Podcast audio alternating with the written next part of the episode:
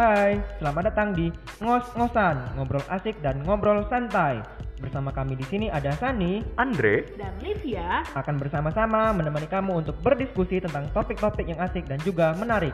Yang gak hanya dibahas dengan cara yang serius tapi juga santai. Jadi untuk kamu yang mendengarkan ini, santai saja dan silahkan nikmati diskusi ini sampai selesai ya.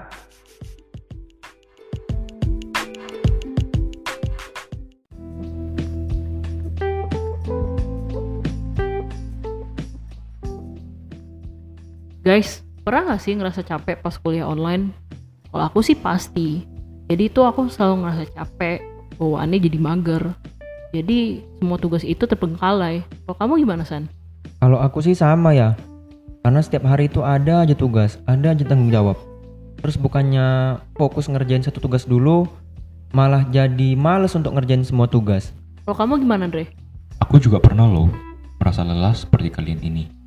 Selama pandemi, aku merasa stres, merasa tidak nyaman dengan diriku sendiri. Awalnya, aku berharap pandemi ini akan cepat berakhir, tetapi tidak kunjung juga berakhir. Aku merasa seperti dikelilingi oleh ketidakpastian ini, sehingga aku menjadi lelah menunggu. Nah, kalian tahu nggak sih sebenarnya yang kita rasakan ini apa? Apa tuh Andre? Yang kita rasakan ini adalah burnout atau yang biasa kita sebut dengan kejenuhan. Burnout itu apa sih Ndri? Aku kayaknya baru denger deh. Nah, mau tahu? Mau dong Nah, jadi menurut Pines dan Aronson, burnout atau kejenuhan adalah keadaan lelah secara fisik, emosional, dan mental yang disebabkan oleh keterlibatan jangka panjang dalam situasi yang menguras emosi. Nah, yang kalian rasakan pasti keadaan yang menguras emosi bukan? Iya, jadi aku ngerasa cepet capek Iya, kalau aku juga ngerasa tertekan gitu setiap harinya. Yuk kita bahas lebih jauh kelelahan-kelelahan apa aja sih yang kalian rasakan. Nah, aspek-aspek burnout ada tiga nih. Yang pertama, kelelahan secara fisik. Contohnya, badan terasa capek dan lemas. Yang kedua, kelelahan secara emosional. Contohnya, putus asa, mudah tersinggung, atau bahkan bosen. Yang ketiga, kelelahan secara mental. Contohnya, kita sudah merasa diri kita tidak berharga atau kita sudah merasa tidak peduli lagi dengan diri kita sendiri. Terus Ndri, jadinya sebenarnya apa sih yang menyebabkan kami merasakan kejenuhan ini? Nah, jadi ada nih faktor-faktor yang mempengaruhi burnout itu sendiri. Ada tiga. Yang pertama, karakteristik personal kita, yaitu kematangan kita, kurangnya social support yang kita dapatkan, atau ekspektasi kita yang tinggi terhadap pekerjaan kita. Yang kedua, karakteristik pekerjaan itu sendiri. Mungkin kita mengalami konflik dalam pekerjaan kita, atau kita memiliki pekerjaan yang overload, atau kita bahkan memiliki pekerjaan ambigu, dan mungkin kita tidak memiliki hubungan interpersonal yang baik.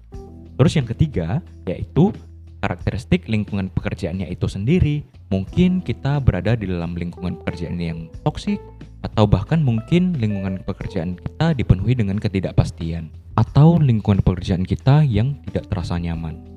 Iya sih, karena tempat aku belajar juga kurang kondusif Kayak banyak orang, terus tempatnya berantakan Jadi bisa jadi aku lebih terbebani sih sama pekerjaan rumahku Kalau aku sih sebenarnya lingkungan pekerjaan aku ini sportif ya. Cuman kurasa karena terlalu banyak tugas yang diberikan. Jadi aku juga jadi malas ngerjainnya dan ya muncullah kejenuhan-kejenuhan itu. Jadi selama ini cara kalian mengatasi kejenuhan kalian gimana sih? Kalau aku sih tidur Kalau aku sih biasanya teriak-teriak nggak jelas ya kayak ah, aduh, ya Allah Kamu teriak-teriak gitu nanti digerebek lagi sama Pak RT di toko-toko rumahku. Iya. Tapi Andre, yang kami lakukan itu udah tepat gak sih? Pada dasarnya, langkah awal untuk mengatasi burnout itu ada empat. Yang pertama, katarsis. Katarsis adalah penyaluran emosi dengan cara mengeluarkan segala isi hati kita dengan bebas. Contohnya, kalau secara verbal, kita bisa bercerita kepada teman, kita bisa bernyanyi, berteriak-teriak, tapi jangan sampai ganggu tetangga ya. Nanti burnoutnya hilang, stres tetangga datang. nah, kalau yang secara nonverbal, kita bisa menulis, kita bisa menggambar, atau bahkan kita bisa mengupdate status di sosial media. Yang kedua, relaksasi, yaitu setiap kegiatan yang membuat badan kita rileks, seperti mendengarkan musik, meditasi, atau bahkan mendengarkan podcast ini. Jadi tidur itu termasuk relaksasi dong, Dre? Tepat sekali. Nah, yang ketiga, walk away. Mungkin dengan walk away, kita bisa nih mendapatkan insight-insight baru terhadap pekerjaan kita yang kita lakukan sehingga pada saat kita kembali, kita bisa nih menerapkan ide-ide yang kita dapatkan. Tapi walk away ini nggak bisa dilakukan lama-lama dong. Nanti kejenuhan kita hilang, nilai kita juga hilang. Nah, yang keempat, lakukanlah perilaku-perilaku sehat seperti olahraga, istirahat yang cukup, dan makan yang teratur. Nah, kalau aku sendiri, aku sering nih melakukan hobiku yaitu olahraga. Setelah olahraga, aku merasa kejenuhanku sudah teratasi. Oh, jadi yang selama ini kami rasakan itu namanya burnout. Iya ya, aku juga baru tahu dan ternyata cara mengatasinya itu ada banyak. Tapi Indri, aku mau nanya Indri. Misalnya kami sudah tidak mampu lagi mengatasi burnout itu, apa sih yang harus kami lakukan? Nah, kalau burnout itu sampai mengganggu aktivitas kamu sehari-hari atau menimbulkan ketidaknyamanan yang berlebihan, kamu bisa nih menghubungi ahli atau profesional seperti psikolog atau konselor. Nah, Sani dan Livia, dan kamu yang sedang mendengarkan podcast ini, jangan takut untuk menolong diri kamu sendiri.